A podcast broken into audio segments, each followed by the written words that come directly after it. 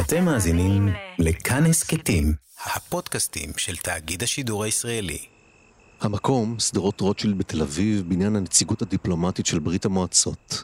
הזמן, התשעה בפברואר 1953, השעה 10 ושלושים בערב. שוטר ישראלי בכניסה לבניין, לבוש מעיל עבה, מחכך ידיו ומנסה להתחמם. מביט בשעונו באדישות. שוטר אחר חוגר רובה על כתפו, מגיע לביתן האבטחה, מוציא סיגריה מכיסו ומצית אותה. השוטר הראשון טופח על שכמו של השני שמחליף אותו בעמדת השמירה.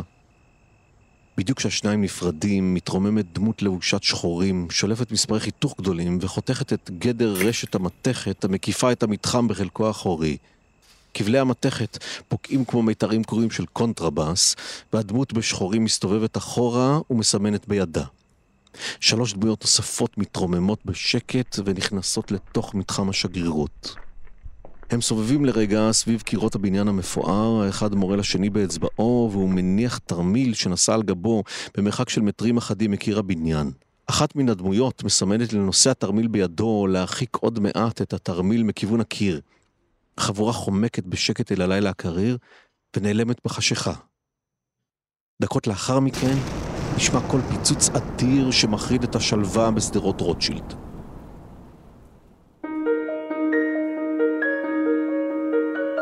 היי, אני עורך הדין אורון שוורץ, והפעם בהסכת משפט חוזר נדבר על אחת התקופות המשמעותיות בחייה של ישראל, כשעוד הייתה מדינה צעירה, שעדיין לא החליטה האם פניה אל שמש העמים ולברית המועצות, או לכיוון של דמוקרטיה מערבית. הפרשה עליה אנו עומדים לדבר מסתיימת בהכרעה משפטית דרמטית. היא מוכרת לכל תלמיד תיכון שלומד אזרחות ולכל סטודנט למשפטי ומדעי המדינה בשם בג"ץ כל העם. אבל למרות שמדובר בהלכה מפורסמת, לא תמיד אנחנו קולטים עד כמה כולנו חיים היום בישראל לאורה. בזכותה אנחנו צועקים חופש ביטוי בהפגנות ובפוסטים בפייסבוק. אבל מה היו הכוחות האמיתיים שעמדו מאחורי ההכרעה הדרמטית הזו, ומה היו האירועים שהובילו אליה?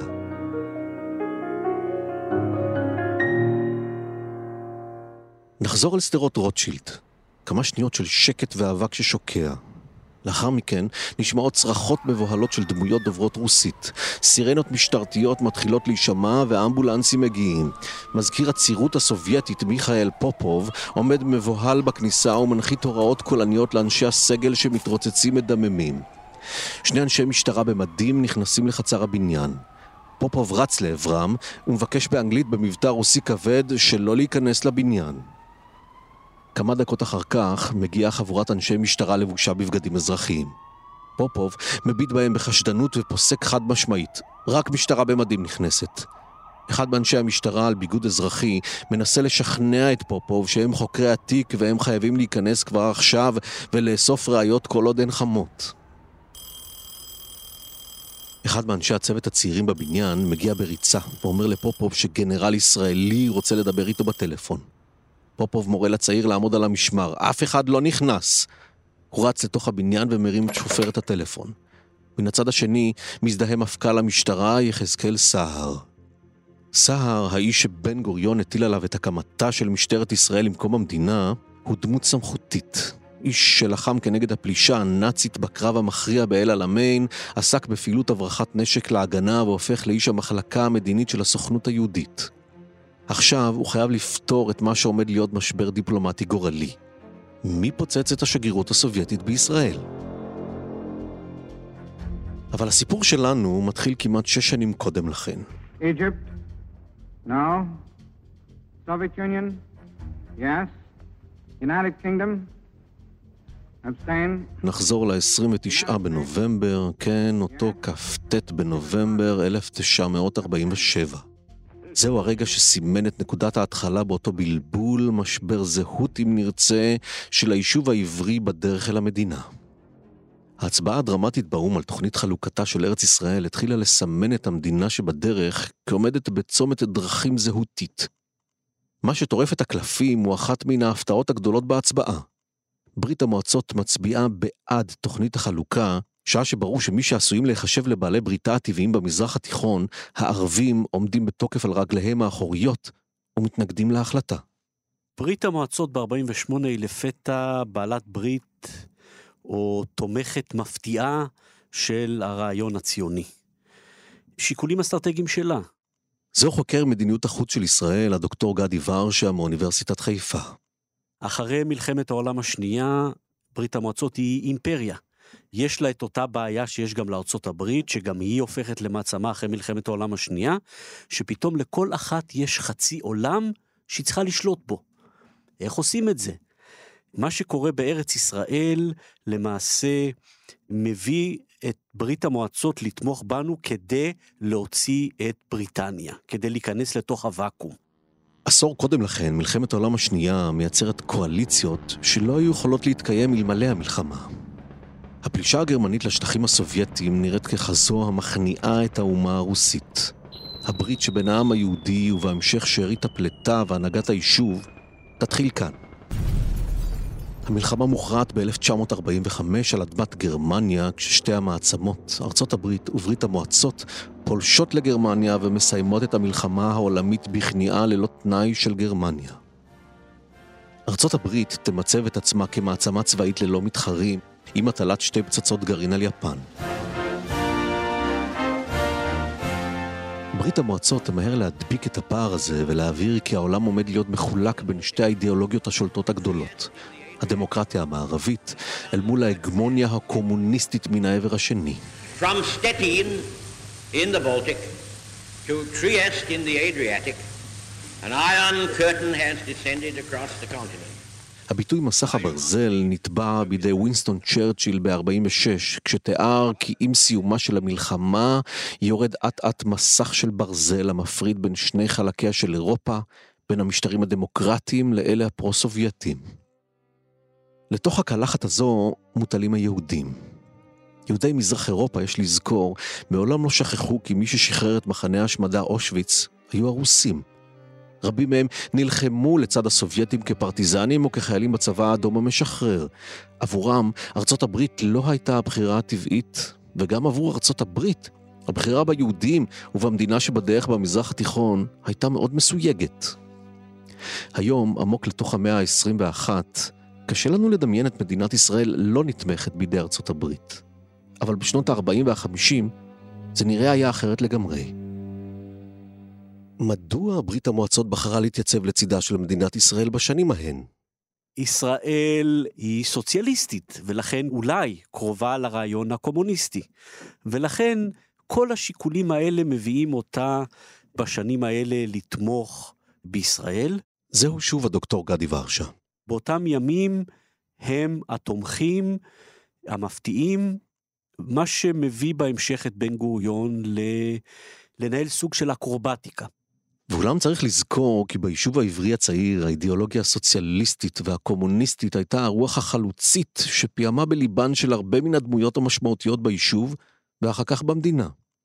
תנועת השומר הצעיר למשל, אשר חבריה היוו את חוד החנית של ההתיישבות החלוצית בקיבוצים, אחזו ברובם באידיאולוגיה מובהקת המצדדת בברית המועצות. עולם המחר הם כינו את האידיאולוגיה הסובייטית, ותפסו אותה כתפיסת עולם צודקת כנגד הרעות החולות שבמערב הליברלי. התחילו לצוץ תקוות גדולות. זהו יעקב חזן, ממקימי השומר הצעיר ודמות מרכזית של הציונות הסוציאליסטית, בהקלטה נדירה מאוספי ארכיון המדינה. חלומות שעד עכשיו היו בשמיים, התחילו לרדת עלי אדמות. שחרור אמין, שחרור סוציאלי. בברית המועצות הופיע אז, השמש העולה הייתה אז בלי כתמים. במרס 1948 יצאה לפועל עסקת הנשק הצ'כית שלימים תציל את המדינה הצעירה מתבוסה במלחמת העצמאות. ברית המועצות ידעה על העסקה ואישרה אותה.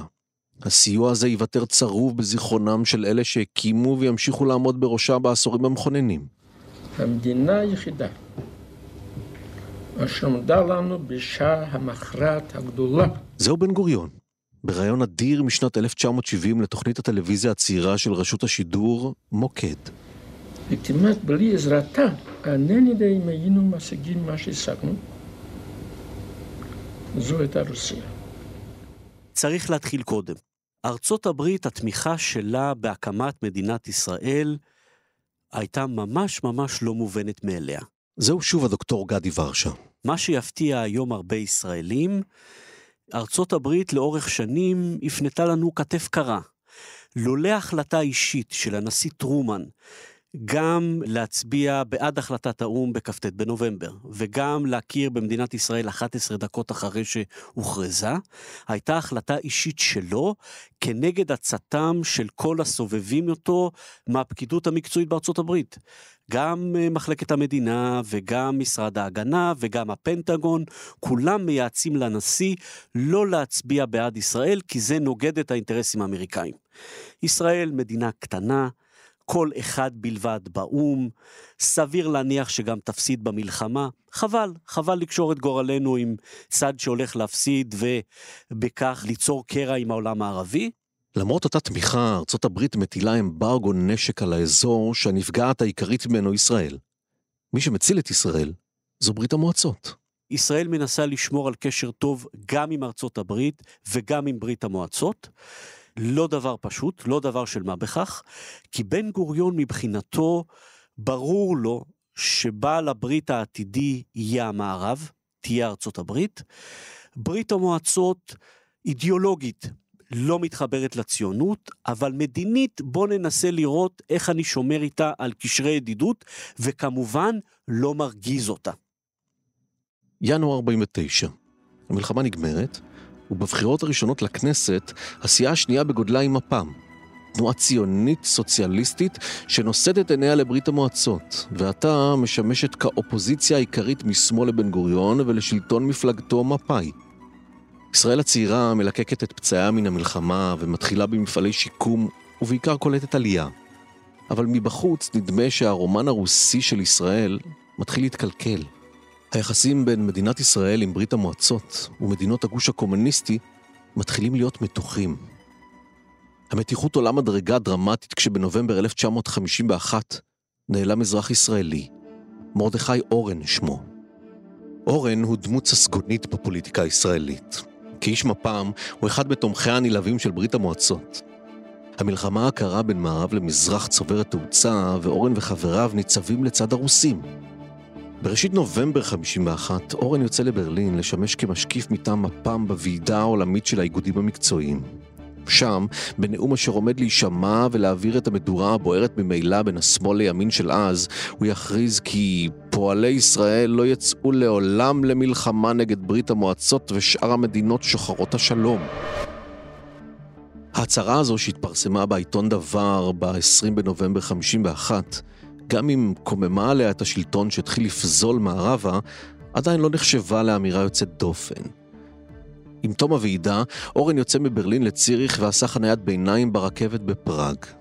בשנים ההן חניות ביניים לא מסתיימות בשעתיים המתנה בשדה תעופה, ואורן, ששיבש גם ככתב של העיתון על המשמר, יצא לסקר בה את החיים תחת האידיליה הסובייטית. אחרי שבועות ארוכים שאורן לא יצר קשר עם ישראל ולא העביר דיווחים, מערכת עיתון על המשמר התחילה לתהות. כשהמשפחה שלו התחילה לשאול שאלות, פנתה מפ"ם, המוציאה לאור של העיתון, למשרד החוץ. בפברואר 52 דיווח העיתון דבר שמן הקריה ניתנה הוראה לציר הדיפלומטי בפראג לברר היכן אורן ואם נשאר בפראג. שלוש נקודות, לשון ההודעה. התעלומה התעצמה כשנודע שיחד עם אורן נעלם קרוב משפחתו, אדם בשם שמעון אורנשטיין.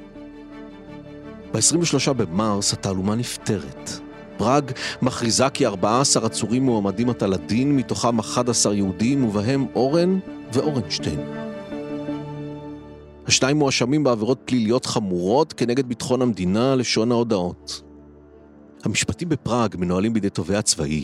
חרף בקשות משרד החוץ, השלטונות אינם מאפשרים לנציגים ישראלים להיפגש עמם, ומתירים רק מעמד של משקיפים במהלך המשפט. נובמבר 52, ההליכים שייזכרו לשמצה כמשפטי פראג נפתחים. בעצם אנחנו יכולים להסתכל עליהם או להתבונן בהם בכמה זוויות. זו הפרופסור וההיסטוריונית אביבה חלמיש מן האוניברסיטה הפתוחה. מה קרה בגוש הקומוניסטי, כולל ברית המועצות?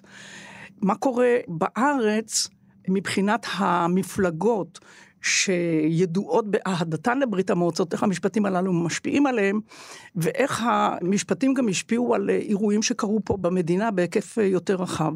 עכשיו, אנחנו, כשאנחנו מדברים על משפטי פראג, אנחנו מדברים על, במילים פשוטות, זה היה משפט ראווה כמובן, שנפתח בנובמבר 1952 בפראג. היו שם 14 נאשמים, מתוכם 11 יהודים, זאת אומרת אפשר לומר שריח עז של אנטישמיות יצא מהם. בראש הנאשמים היה מזכיר המפלגה הקומוניסטית הצ'כוסלובקית רודולף סלנסקי. העד המרכזי כנגד סלנסקי הוא לא אחר מאשר אורן. החבורה כולה מואשמת בקשר טרוצקיסטי, טיטואיסטי, ציוני בשירות האימפריאליזם האמריקני. וסלנסקי, שלא במפתיע, עמד להודות, לאחר עינויים, כי הוא סוכן ציוני המרגל לטובת המערב. המשפטים בעיקר מבטאים תסכול של הקרמלין, שתמך בהקמתה של מדינת ישראל, אך זו, במקום להפוך לנושאת הלפיד של האחווה והשלום העולמיים בחסות מוסקבה, התחילה לפזול לכיוון המערב. אורן עלה לדוכן והעיד כנגד חבריו. בדיווחים שהודלפו ל-BBC האנגלי נשמע אורן מתוודה, כמו בצילום וידאו נוסח דאעש. הייתי חבר פעיל בארגונים ציוניים. מאז שנת 1934 שימשתי גם כסוכן השירות החשאי הבריטי. משימותיי המיוחדות מאז 1945 היו לנהל פעולות ריגול נגד הדמוקרטיות העממיות במיוחד נגד פולין, הונגריה, צ'כוסלובקיה, בולגריה ורומניה, והרפובליקה הגרמנית העממית. כחלק מפעולות הריגול המשכתי בעבודתי למען ארגונים ציוניים בינלאומיים.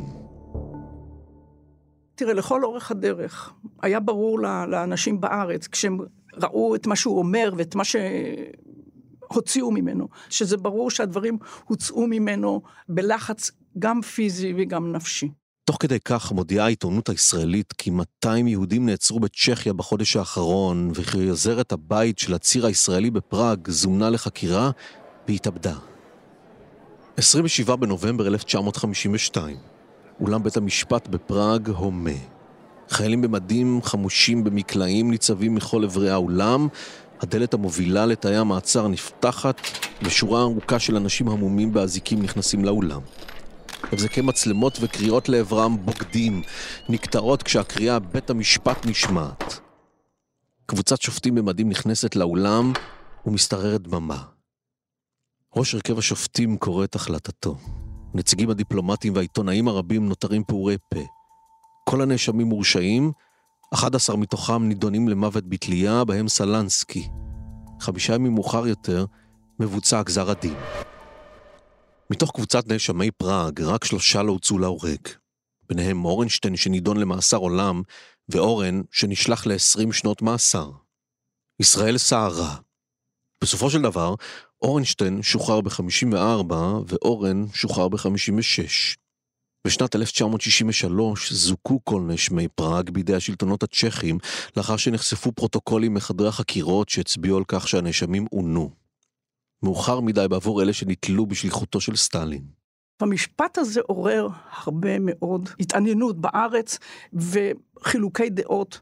למעשה המשפט הזה הפך לסלע מחלוקת טעון מאוד בין שמאל של אז לבין אנשי מרכז וימין, בעיקר אלה שהיו אנשי מחתרות אצ"ל ולח"י טרם קום המדינה. עכשיו צריך להבין את הרקע בארץ. ישנה מפלגה ש... בשם מפ"ם, אז היא הייתה 17 חברי כנסת, היא מפלגה גדולה, מפלגה ציונית, אה, שורשית, אה, שמאחדת שתי תנועות קיבוציות, אבל היא הייתה ידועה באהדתה הרבה אה, לברית המועצות. עצם העובדה שהם לא היו בממשלה ונשארו באופוזיציה, העמיקה וחיזקה את הקו הפרו-סובייטי שלהם. השמאל הישראלי של 52 נבוך. המבוכה והאלה מפלגים אותו. רוב הציבור תופס את משפטי פראג כעלילת דם אנטישמית בגלגול מודרני. אבל אנשי המפלגה הקומוניסטית הישראלית, מק"י, הצהירה כי אורן אכן אשם. אם זה לא מספיק, מפ"ם של אורן עצמו התפצלה לשני מחנות והאגף השמאלי שלה בראשותו של משה סנה, דמות מובילה בשמאל הישראלי, הסיר אף הוא את התמיכה מאורן. אחרים בשמאל המשיכו למשוך כתפיים וטענו, כך צוטט אז בכלי התקשורת, שפרשת אורן היא אי הבנה שיש לתקן אבל עדיין זו איננה סיבה להשמיץ את הקומוניזם. אגב, כבר בימי קום המדינה השתמשו במילה שמאל כמילת גנאי, והיא נשמעה לא מעט דווקא מפיו של בן גוריון ואנשי סיעת מפא"י, לימים מפלגת העבודה. כשהתקיימו הבחירות, מפא"י קיבלה 46 מנדטים. מפ"ם קיבלה 19. בעצם, היה להם יחד 65 מנדטים, אפשר היה להקים כבר ממשלה, ממשלת שמאל. אבל בסופו של דבר בן גוריון הלך עם מה שנקרא המפלגה הפרוגרסיבית, שהיא בסופו של דבר אה, הפכה להיות המפלגה הליברלית, והתאחדה בסופו של דבר עם הציונים הכלליים, ובסוף היו מחל. כלומר, בן גוריון העדיף ללכת עם מפלגת האם של הליכוד. אז בן גוריון העדיף ליצור ממשלה עם הפרוגרסיבים ועם הדתיים, ולא ליצור ממשלה עם מפ"ם, כלומר ממשלה פועלית. ואחת ההשערות היא שהוא לא רצה את מפ"ם בגלל העמדה הפרו-סובייטית שלהם. חשוב להבין, משפטי פראג עומדים בתווך שבין מה שכונה משפט הסופרים, בו נידונו למוות במשפט צבאי וחשאי בכירי אנשי הרוח היהודים בברית המועצות, ובין משפטי הרופאים. במסגרתו עמדו לדין בפומבי בינואר 1953, קבוצת רופאים יהודים כנגדם נטען כי קשרו קשר לרצוח את מנהיג ברית המועצות יוזף סטלין. ואכן השנים 52 ו-53 בישראל לא עוברות בשקט. אנשי הימין לא מוותרים על ההזדמנות לנהל משפט דמה לברית המועצות בבית העם בתל אביב. הדמויות הבולטות שם הם ישראל אלדד ואבא אחימאיר. דמויות ימין ואנשי מחתרות בולטים בתקופת המנדט. בנובמבר 1952 מושלכת אבן למשרדי הנציג הצ'כוסלובקי בתל אביב. כמה שבועות מאוחר יותר מוטמן מטען מאולתר במוסך של רכבי הנציגות. כמה ימים אחר כך יש ניסיון הצתה לאחת ממכוניות חברי הסגל של הצירות הסובייטית. אל החצר הזו ברחוב רוטשילד, בה התרחש הפיגוע מתחילת הפרק, נחזור עוד מעט. ממשלת ישראל מפרסמת גינוי חריף. למעשה, היא מביעה צער עמוק, ואז, כמו היום, מאחלת רפואה שלמה לפצועים. מוסקבה ממש לא מוכנה לקבל את ההתנצלות ומודיעה כי ההתנגשות היא תוצאה של התעמולה האנטי-סובייטית שמקורה בממשלת ישראל. כמה ימים לאחר מכן, ב-11 בפברואר, בשעת לילה מאוחרת, מתדפק שליח בבית מגוריו של הציר הישראלי במוסקבה. הוא מוסר לו איגרת. שמואל אלישיב, הציר, פותח את המכתב בידיים רועדות. הוא מתבשר כי ברית המועצות רואה בהתנצלות הממשלה כמעשה רמייה, ולפיכך מוסקבה מחליטה על ניתוק היחסים עם ישראל. ואם זה לא מספיק, הרי שלמרבה הבושה טוענת מוסקבה כי בישראל אין תנאים מינימליים לקיום נציגות דיפלומטית סובייטית. זה כבר עלבון המאשים את ישראל בהיותה רפובליקת בננות, וזו כבר פגיעה באגו הלאומי. ב-52, ישראל המבולבלת נאלצת להבהיר לעולם באמצעות משרד החוץ כי הניתוק לא עומד לגרום לישראל להתעלות רחמנא ליצלן בארצות הברית. עכשיו, נחזור לפיצוץ בצירות הרוסית בתל אביב. אירוע שיא בשורה של התגרויות אלימות. בממשלה, במשטרה ובשירות הביטחון הכללי מבינים שעם כל משבר הזהות הזה של ישראל בין אבא אמריקה לאמא רוסיה, אי אפשר להותיר את מעשה הטרור הזה לא מפוענח. אנשי המשטרה הישראלית שמנסים לאסוף ראיות מהעצירות ולחקור את אנשי הסגל נתקלים בחשדנות עצומה. כל שוטר מסתמן בעיני הרוסים כמי שמנסה להטמין מכשירי ציטוט, והחקירה תעבור למישור המודיעיני. כאן ייכנס איסר הראל לתמונה. במשרדי הממשלה בקריה שבתל אביב מתקיימת עתה ישיבה מיוחדת בין איסר הראל, ראש שירות הביטחון הכללי ומפכ"ל המשטרה יחזקאל סער ואנשי החקירות של הארגונים. הפרוטוקולים מן הימים ההם יספרו כי הראל פותח ומציג את החשודים. לטעמו, הליגה האנטי-קומוניסטית בראשותו של חביב שיבר היא הנושאת באחריות לפיצוץ. סהר מביט בו ושואל כיצד הגיע למסקנה הנחרצת הזו. הוא משיב שכבר ב-18 ביולי 1950 איים ארגון בשם ברית ישראל חופשית, קבוצה אנטי-קומוניסטית לא מזוהה, בפיגוע כנגד מטרות דיפלומטיות של ברית המועצות בישראל, אם מוסקבה לא תתיר עלייה לארץ. בפגישה דחופה נוספת בין הראל לסער, מראה הראל מסמכים מתיקי אהבת כרס. אלה לא האנשים שאנחנו מחפשים, אומר לו הראל. מה זאת אומרת? שואל סער. אלה, משיב הראל, אלה מקצוענים. לחבורה שעצרנו עכשיו ממש אין יכולות לבנות מטעני נפץ כאלה. הראל חושב מעט, מהנהן בעצבנות בראשו, ואז אומר, אלה אנשי לח"י. שתיקה. סהר מביט עמוק בעיניו של הראל.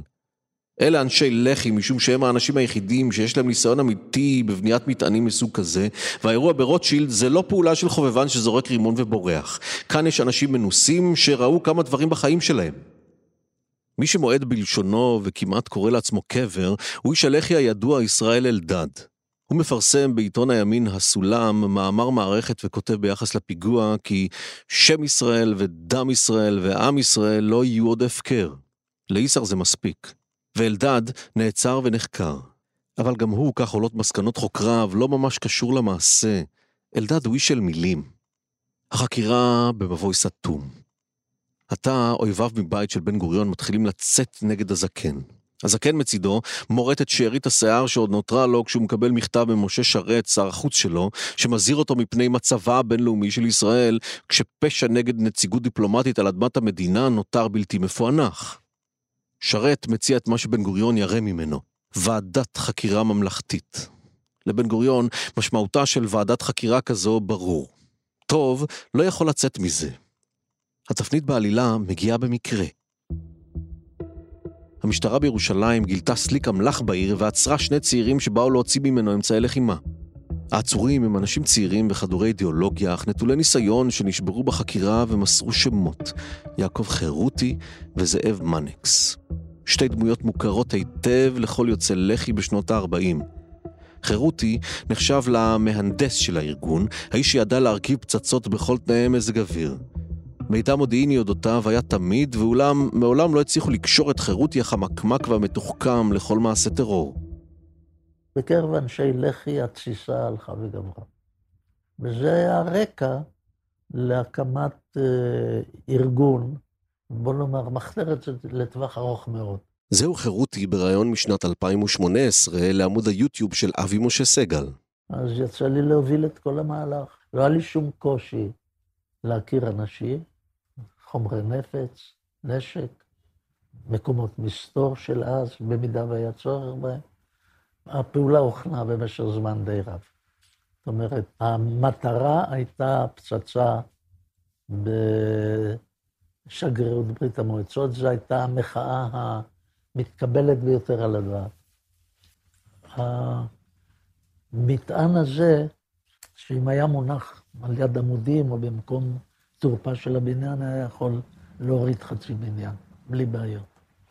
אז המטען הונח במרחק של עשרה, שנים עשר, מרחק גדול מהבית, כדי לא לגרום, במיוחד, הייתה כוונה לא לגרום לקורבנות בנפש. וזה עבד. אבל את כל זה המדינה לא מצליחה להוכיח ולקשור את הדמויות לפיגוע בשגרירות. חירותי ומאנקס נמלטים מתיק הפיגוע בצירות הסובייטית. הראל המתוסכל לכתוב לימים בזיכרונותיו בספרו "ביטחון ודמוקרטיה", כי התארגנות אד-הוקית זו ביקשה להילחם נגד גופים ואישים אנטי-לאומיים, אבל ראיות ממשיות אין. בן גוריון שומע את הבשורה הזו מאיסר והוא זועם. ואז מגיע עם הברקה. נשתמש בכלים של הבריטים. תביאו לי את חיים כהן לכאן. כהן, היועץ המשפטי לממשלה ולימים שופט בית המשפט העליון ואחד מן המשפטנים הידועים של המדינה המתהווה, מציע לערוך שימוש בפקודה המנדטורית כנגד טרור. הפקודה מאפשרת צעדים דרקוניים, לעצור מעצרים מנהליים ללא הצגת ראיות להגנה, וקשירתו של אדם לחברות בארגון טרור מאפשרת לייחס לו עבירה עצמאית שעונשה עשוי לעלות עד כדי עונש מוות. המשמעות היא שעכשיו ניהול תיק הפיגוע בשגרירות הרוסית עובר לידי בתי המשפט הצבאיים. בשנת 53 צריפין הוא המקום שבו מתנהלים משפטים צבאיים.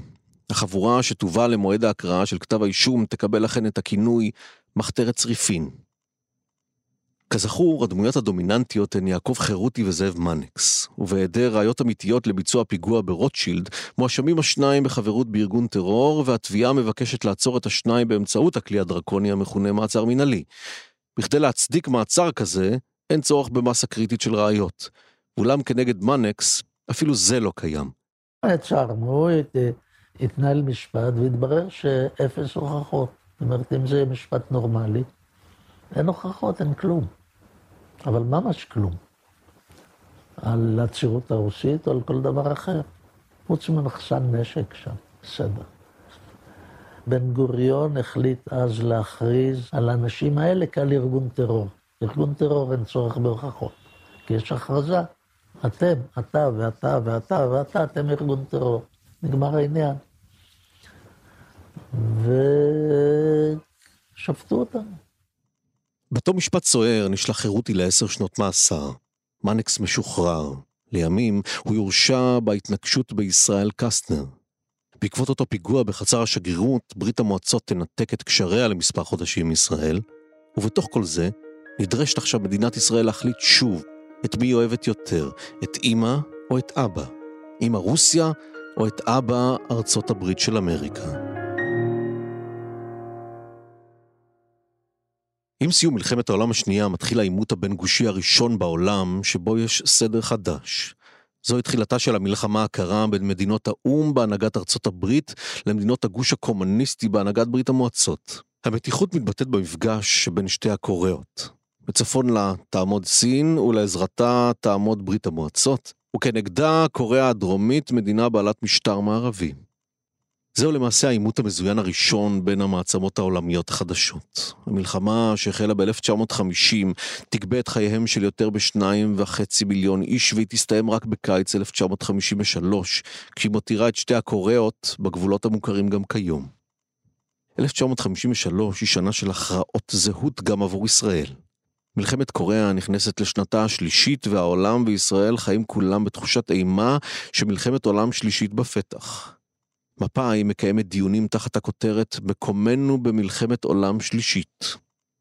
אין כל ספק, כתב בן גוריון במכתב ארוך ונמרץ שהפנה לחברי ממשלתו ב-14 בינואר 53, שסטלין מתכונן בכל השיטתיות הטוטליטרית למלחמה זו. אין כל ספק בדבר. והוסיף עוד שסטלין מתכוון להשמדת יהודי ברית המועצות וגרורותיה, שנאמנותם אינה ודאית בעיניו. הסובייטים מנתקים את יחסיהם עם ישראל ומחדשים אותם כמה חודשים לאחר מכן, והציבור בישראל קרוע בין מפלגתו של בן גוריון לבין יריביו הקומוניסטים משמאל, אלה העומדים בראשות התנועה הקיבוצית, התנועה שנתפסה כחזית העשייה המדינית. מימין לבן גוריון ניצבים אנשי חירות בראשותו של מנחם בגין, ועוד כמה אנשי מחתרות אצ"ל ולח"י שהתברגנו בינתיים. הרודן יוזף סטלין מת בראשית חודש מרס 1953, אבל משפטי פראג וחוסר האונים של המפלגות הסוציאליסטיות מגביר את החשש בקרב בן גוריון וההנהגה. בסדרת מאמרים שפרסם אה, בן גוריון בראשית 1953, הוא קרא לזה על הקומוניזם והציונות של השומר הצעיר. טענה של בן גוריון הייתה שהשומר הצעיר, הוא התכוון כאן למפ"ם, הם בעד הסוציאליזם ובעד הקומוניזם וזה, עד שזה מגיע וזה פוגע בחבר שלהם, והוא בעצם האשים אותם באיזשהו סוג של דו-פרצופיות, כשמדובר בפעילות שברור לכולם שהיא שלילית ולא נכונה, ואין בה צדק ואין בה משפט וכן הלאה, אז הם תומכים בצדק הסוציאליסטי. אבל כשזה נוגע לחבר שלהם, אז הם אה, מסתייגים ואומרים, רגע, יש כאן מקרה אה, ייחודי. וכאן נפתחת לה פרשה חדשה. מעט לאחר מותו של סטלין, נדרש שר החוץ אבא אבן להצהיר נאמנות לארצות הברית. ידיעה בעיתון הארץ סיפרה כי אבן הצהיר שישראל תעמיד מאות אלפי חיילים לצד ארצות הברית במקרה של מלחמה עם ברית המועצות. לך נכנס הילד הרע של העיתונות. כל העם היה השבועון של המפלגה הקומוניסטית הישראלית מק"י, המזוהה עם מדיניותה של ברית המועצות. העיתון נוסד כעיתון מחתרתי משהו בשנת 1937 ללא רישיון, ומעמדו הוסדר רק בשנת 1944. בין אורחיו של העיתון היו דמויות בולטות כמשה סנה, מאיר וילנר והמשורר המרדן אלכסנדר פן. בהמשך היוצרים הצעירים הנשכניים חנוך לוין ודוד אבידן פרסמו את יצירותיהם הראשונות בעיתון. וכמו חנוך לוין ודוד אבידן, גם אורחיו המוקדמים והמבוגרים יותר לא ממש ראו בעיניים. הם לא חששו לייצר כותרות פרובוקטיביות וצעקו את מה שהם האמינו בו. אורחיו הועמדו לדין פעמים אחדות בגין הוצאת לשון הרע, ובספטמבר 1949, עם תום המלחמה, עורכי העיתון לא מצמצו כשכינו את בן גוריון בוגד העם, מושך בעגלת האימפריאליזם האמריקני ובכינויים מלבבים אחרים. העיתון נסגר פעמים אחדות בגלל עבירות צנזורה. אחד השיאים היה כשהעיתון אימץ לא פחות דווקא את הקו של סטלין במשפט הרופאים. משפט זה, שהיה לא פחות מעלילת דם, האשים, כמו שאמרנו קודם, קבוצת רופאים בקשר שנועד לחסל את סטלין. עורכי כל העם פרסמו כותרת בלתי נתפסת, שכינתה את הרופאים, יהודים כולם, ככנופיית רופאים מרצחים בשירות הריגול האמריקנו-בריטי. תחושת האווירה הכללית שכאילו מפ"ם לא מספיק נאמנה חלילה למדינה, והנאמנות שלה לברית המועצות אה, אולי אה, עלולה להביא למעשים שהם אה, חורגים מן המותר מבחינה מדינית, גם אולי מבחינת החוק. אנחנו היום מסתכלים על זה לאחור, אנחנו לא מבינים גם את עוצמת הרגשות והעמדות בנושאים האלה, וגם לא מבינים עד כמה השמאל אז היה באמת חזק. כל הדברים האלה היו באמת נושא שהוא הסעיר את הציבוריות. לכן, בינואר 53 הממשלה פועלת לראשונה, ושר הפנים ישראל רוקח מורה לסגור את העיתון על פי פקודה מנדטורית דרקונית, פקודת העיתונות. בן גוריון כותב ביומנו באותו החודש: קראתי בהתפלצות דברי כל העם הבוקר על תעלולי הזוועה של מוסקבה. זאת תהיה דמוקרטיה אווילית ומתאבדת, אם מתוך מושג מוטעה של חירות ביטוי וארגון, תרשה לחבר המשומדים והבוגדים הלאומיים האלה להשתולל בעיתונות, באספות ובכנסת. אולי היה כאן יותר עניין של רצון להתנכל לאותו ביטאון אה, קומוניסטי שהוא היה משוייך למפלגה, מפלגת מק"י שהייתה מיוצגת אה, בכנסת. מק"י היא אה, מפלגה ש... שורשיה עוד, אפשר לומר, בתקופת היישוב, המפלגה הקומוניסטית. המפלגה הזו מראשית דרכה הייתה מפלגה של יהודים וערבים גם יחד. כל העם עולים על בריקדות וממהרים לבג"ץ. אבל בג"ץ, נחשו מה? זורק את העיתון מכל המדרגות. בית המשפט בפרשת כל העם הראשונה, בג"ץ 25 על 53, קובע במשיכת כתפיים. אם דברי השמצה אלה עלולים להרגיז במידה כזו שיכולים להביא לידי סיכון שלום הציבור, לא עלינו לקבוע. דבר זה נתון לפי החוק להכרעתו של שר הפנים. בן גוריון מרגיש על הסוס, וברור לו שהצליח לרתום גם את הממסד המשפטי לחינוך מחדש של הילד הסורר הזה. אנחנו חוזרים עכשיו לשר החוץ אבא אבן והצהרתו שישראל תעמיד מאות אלפי חיילים לצד ארצות הברית במקרה של מלחמה עם ברית המועצות. כל העם לא נשאר חייב. העיתון יוצא בכותרת, ילך אבא אבן להילחם לבדו. בגוף מאמר המערכת, אמירה שנראית לקוחה מאיזו מסכת פעולה של השומר הצעיר, ובו הקריאה הנלהבת, נגביר את מאבקנו נגד המדיניות האנטי-לאומית של ממשלת בן גוריון, המספסרת בדם הנוער הישראלי. הפיגוע שנעשה בצירות הסובייטית החזיק את אנשי הממשלה במתח עצום. תקרית דיפלומטית נוספת בעקבות הפרסום, עכשיו, מול האמריקאים זה כבר יותר מדי. רוקח שוב מורה על סגירת העיתון. כמה ימים מאוחר יותר מורה רוקח גם על סגירת ביטאון המפלגה הערבית על איתיחד. בן גוריון ורוקח בטוחים שהתסריט הקודם שכלל גיבוי מבג"ץ יחזור על עצמו. אבל הפעם מצפה להם הפתעה. שופט תוצרת חוץ, שמעון אגרנט.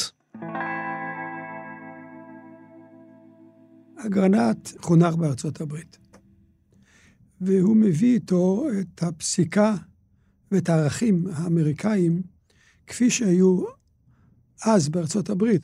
זו הפרופסור ונשיא בית המשפט העליון בדימוס, אגדה בחייו, אהרון ברק.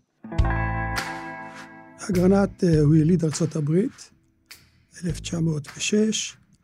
הוא עלה לארץ ב-1930, קיבל פה רישיון של עורך דין. בארצות הברית הוא למד אה, יחד עם אה, טובי המשפטנים, ב-1950 הוא מונה לבית המשפט העליון כשופט. אני הכרתי אותו לראשונה כתלמיד את מורו, משום שבאותם ימים בפקולטה למשפטים אה, לימדו רבים משופטי בית המשפט העליון, לא היו מספיק פרופסורים. ואגרנט היה המורה הראשי במשפט הפלילי. חוקרת המשפט, הפרופסור פנינה להב, מהרהרת במאמרה משנת 2015, יובל ועוד עשור לכל העם, מה עוד יש להגיד? כי הנשיא אולשן, נשיא בית המשפט העליון, הבין כנראה כי שיבוץ של הרכב שמרני, כמו בפרשת כל העם הקודמת, גוררת את ישראל למקום מסוכן. בניגוד לסגירה הקודמת של העיתון, בג"ץ מוציא מה שמכונה בעגה המשפטית צו על תנאי. כלומר, מורה למדינה לנמק ולהצדיק בפני בית המשפט העליון, מדוע לא לבטל את הצו שהוציא השר לסגירת העיתון? הצו הזה גם השהה את החלטתו של רוקח, והעיתון לא נסגר עד להכרעה בפרשה. עכשיו, כשהעיתון ממשיך לעבוד, אבל חרב הדיון בהחלטה הסופית עדיין מעל לראשו של העיתון והממשלה כאחד, אגרנט יחד עם השופטים משה לנדוי ויואל זוסמן, לקחו לעצמם את הזמן. זה לקח שמונה חודשים, תמיד קל יותר לקחת החלטות קשות כשהעניין כבר מעט מתקרר. בסתיו 1953 התכנס בית המשפט העליון לקריאת פסק הדין. מי שהאזין לקריאת פסק הדין, אולי התקשה להבין את המושגים האלה שנשמעו אז כמו שפה זרה. לראשונה, ייבא אגרנט מושגים משפטיים מארצות הברית. אגרנט קבע כי המושג האמורפי, הגנה על שלום הציבור, כהצדקה לפעולה כנגד זכויות יסוד, שלא היו מובנות מאליהן כלל, ויש שיטענו שעוד לא ממש היו קיימות בשנת 53, השימוש בכלי הזה יתאפשר רק אם נוצרת ודאות קרובה לסיכון שלום הציבור. בית המשפט העליון קבע, בניגוד לכל הציפיות במערכת שנזהרה בכבודה של הממשלה, כי פרסומי העיתון כל העם לא ממש הגיעו עד לשם, אפילו לא קרוב. צו הסגירה של רוקח ובן גוריון הושלך הפעם לפח האשפה של ההיסטוריה, ועידן חדש נפתח. גם אם יעברו כמה שנים טובות עד שנבין שהמהפכה החוקתית הראשונה, הצעירה והחצופה הזו, בכלל יצאה לדרך. אהרון ברק, בריאיון שהתרחש בחורף 2020, מבקש במרחק השנים להבין מה באמת קרה כאן וכיצד בפרשה זו התחיל מאבק של הפרדת רשויות בין הממשלה, הכנסת ובית המשפט העליון. הם הגנו על זכויות האדם מפני בן גוריון. קבע השופט אגרנט, כל ההרכב, קבע, בסטייה מפסק דין דומה מאוד נגד אותה חברה כל העם, כמה חודשים לפני כן, קבע בית המשפט העליון שאפשר לפגוע, כן, הכנסת יכולה לפגוע בחופש הביטוי. והפקודה המנדטורית הרלוונטית, פקודת העיתונות, יכלה לפגוע בחופש הביטוי. אבל בפקודה המנדטורית נאמר שאפשר לפגוע בחופש הביטוי אם דבר שפורסם בעיתון, יש בו כדי לפגוע בשלום הציבור. אז מה זה כדי לפגוע בשלום הציבור? כל אפשרות? לא אומר הנשיא אגרן. אנחנו מדינה דמוקרטית, אנחנו מדינה שוחרת זכויות אדם. יש, יש בה כדי לפגוע בשלום הציבור, פירושו שישנה ודאות קרובה ששלום הציבור ייפגע. ופה אין ודאות קרובה. וברק, כמו ברק, כמעט 70 שנה אחרי פסק הדין, בעיניים בורקות אומר, שם באמת התחלנו להיות דמוקרטיה. אגרנט בכל העם זה קולו של העם. החשיבות של פסק הדין הזה הוא שהוא הניח את הבסיס למתודולוגיה חדשה. למתודולוגיה שאומרת, כאשר אתה מפרש, או כאשר אתה יוצר משפט מקובל, אתה צריך לאזן בין השיקולים הנוגדים. האיזון, למשל, בין שלום הציבור לבין חופש הביטוי, בין אה, שלום הציבור, חופש העיסוק וכדומה, ובאיזון הזה אתה נותן משקל לכל אחד מה, מהצדדים של המשוואה הזאת, ורק אם ישנה ודאות קרובה שייפגע הערך הציבורי, אתה יכול לפגוע בזכות הרלוונטית.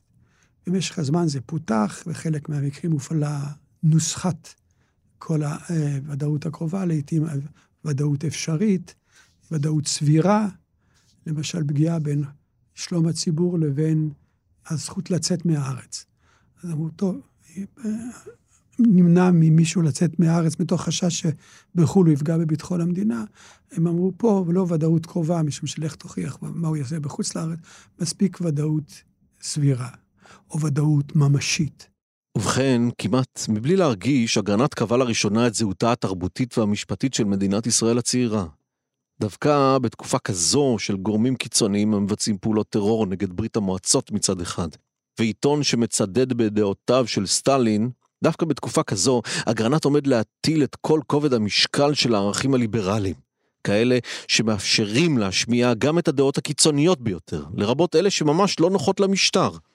לכן, לראשונה קיבלו מושגים כמו חירות הביטוי ואיזונים משפטיים כנגד ביטחון המדינה וביטחון הציבור, קול ונוכחות.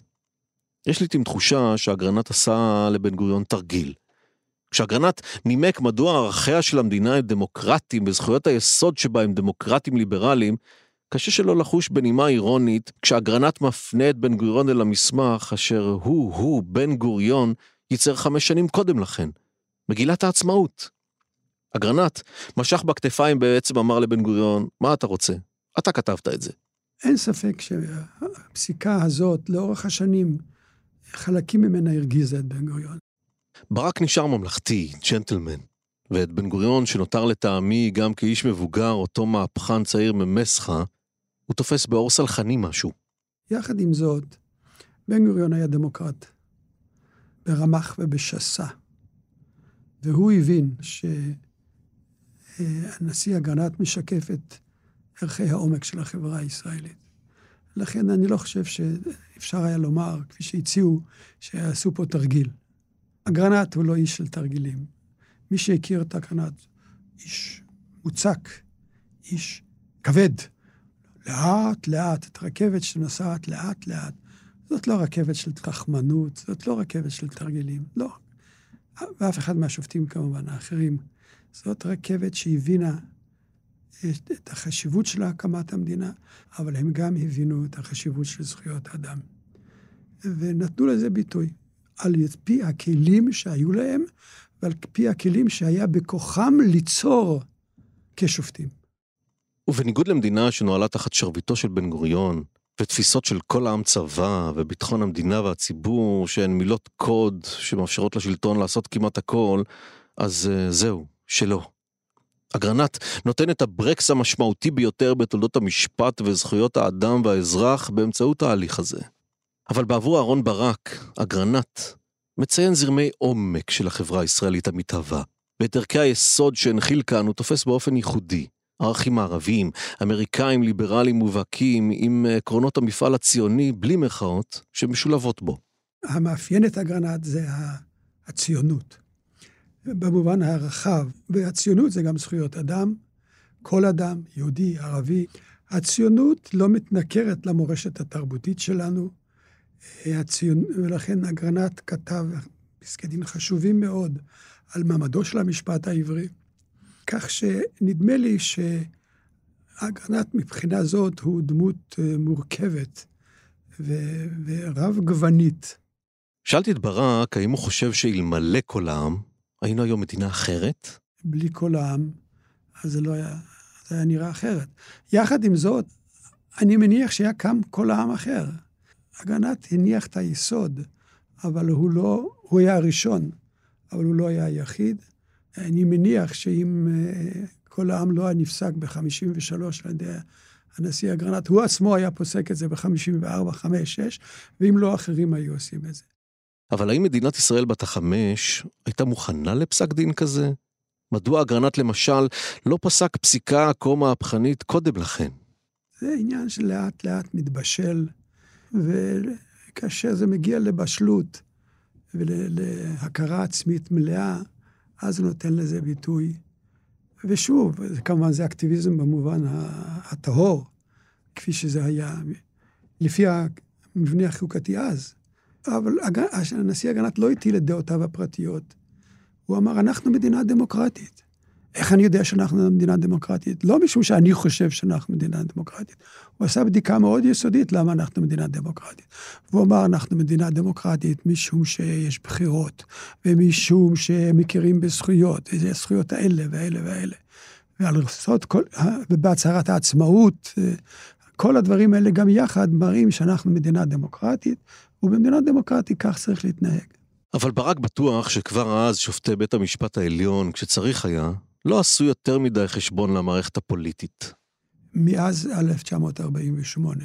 הם היו רגישים לזכויות האדם, שמרו את זכויות האדם, ופיתחו את זכויות האדם יותר מאשר באנגליה של הימים ההם. והם עשו את זה לא משום שהם חשבו ש... הריבונות היא לא של העם, כן? הריבונות היא של העם, בוודאי, והכנסת היא הרשות העליונה, משום שאין אה, חוקה שעומדת מעל הכנסת, זה, זאת הייתה הנחת היסוד שלהם.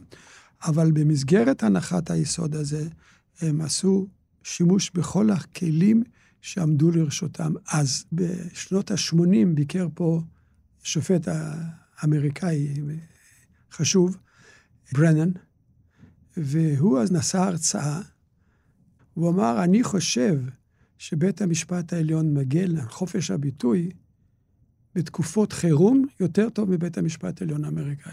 הוא צודק לגמרי. בית המשפט העליון האמריקאי, כשבא קצת חירום, הם, אה, זכויות האדם נעלמות.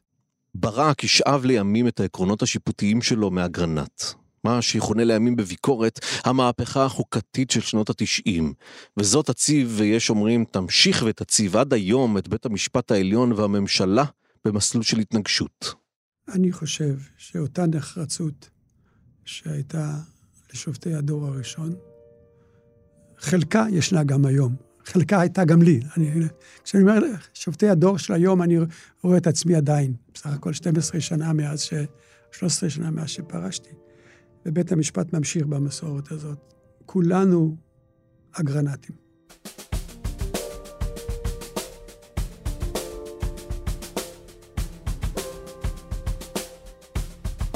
אגרנט תיזכר בתודעת הישראלי הממוצע בעיקר כמי שעמד בראש הוועדה לחקר מחדלי מלחמת יום הכיפורים. אגרנט, צבא הימים ושנים, נפטר בשנת 1992 בגיל 86.